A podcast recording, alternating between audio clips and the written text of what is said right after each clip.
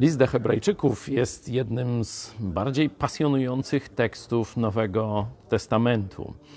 E, jest też tam wiele miejsc trudnych, stąd e, chrześcijanie nie za często tam zaglądają. No, tym razem postawiliśmy sobie takie wyzwanie, żeby tu na zjeździe chrześcijan rozpocząć takie dość szczegółowe studium tego listu. Już w drugim rozdziale natknęliśmy się na no, tekst, który na przykład ja, choć no, dość długo czytam Biblię, no, gdzieś mi po prostu z pola widzenia wyszedł. A jest to tak wspaniałe przesłanie, że aż zapiera dech w piersiach, jeśli sobie to wyobrazisz. Wiesz dobrze, jakim jesteś człowiekiem, ja też wiem.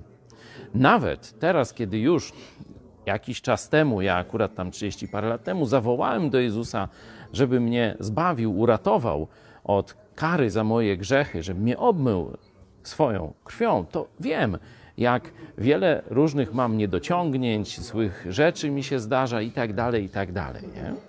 I człowiek często się zastanawia, czy ma takie wrażenie, że w jakiś sposób nie pasuje do Boga, czy nie jest godny, czy y, no, jakiś jest odległy, czy że Jezus to tak no dobra, przyjął nas, ale w rzeczywistości to wie, jak jesteśmy no, gdzieś, nie pasujemy do Jego świata. A w liście do Hebrajczyków, w drugim rozdziale, jest taka petarda. Jezus mówi do każdego chrześcijanina: Nie wstydzę się nazywać Ciebie moim bratem. To sobie trudno wyobrazić głębie tej deklaracji Jezusa.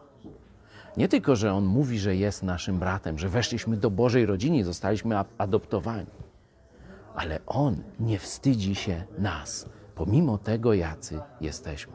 To jest właśnie cudowna Boża łaska. Jego krew zakryła doskonale wszystkie nasze grzechy. Chwała Mu za to.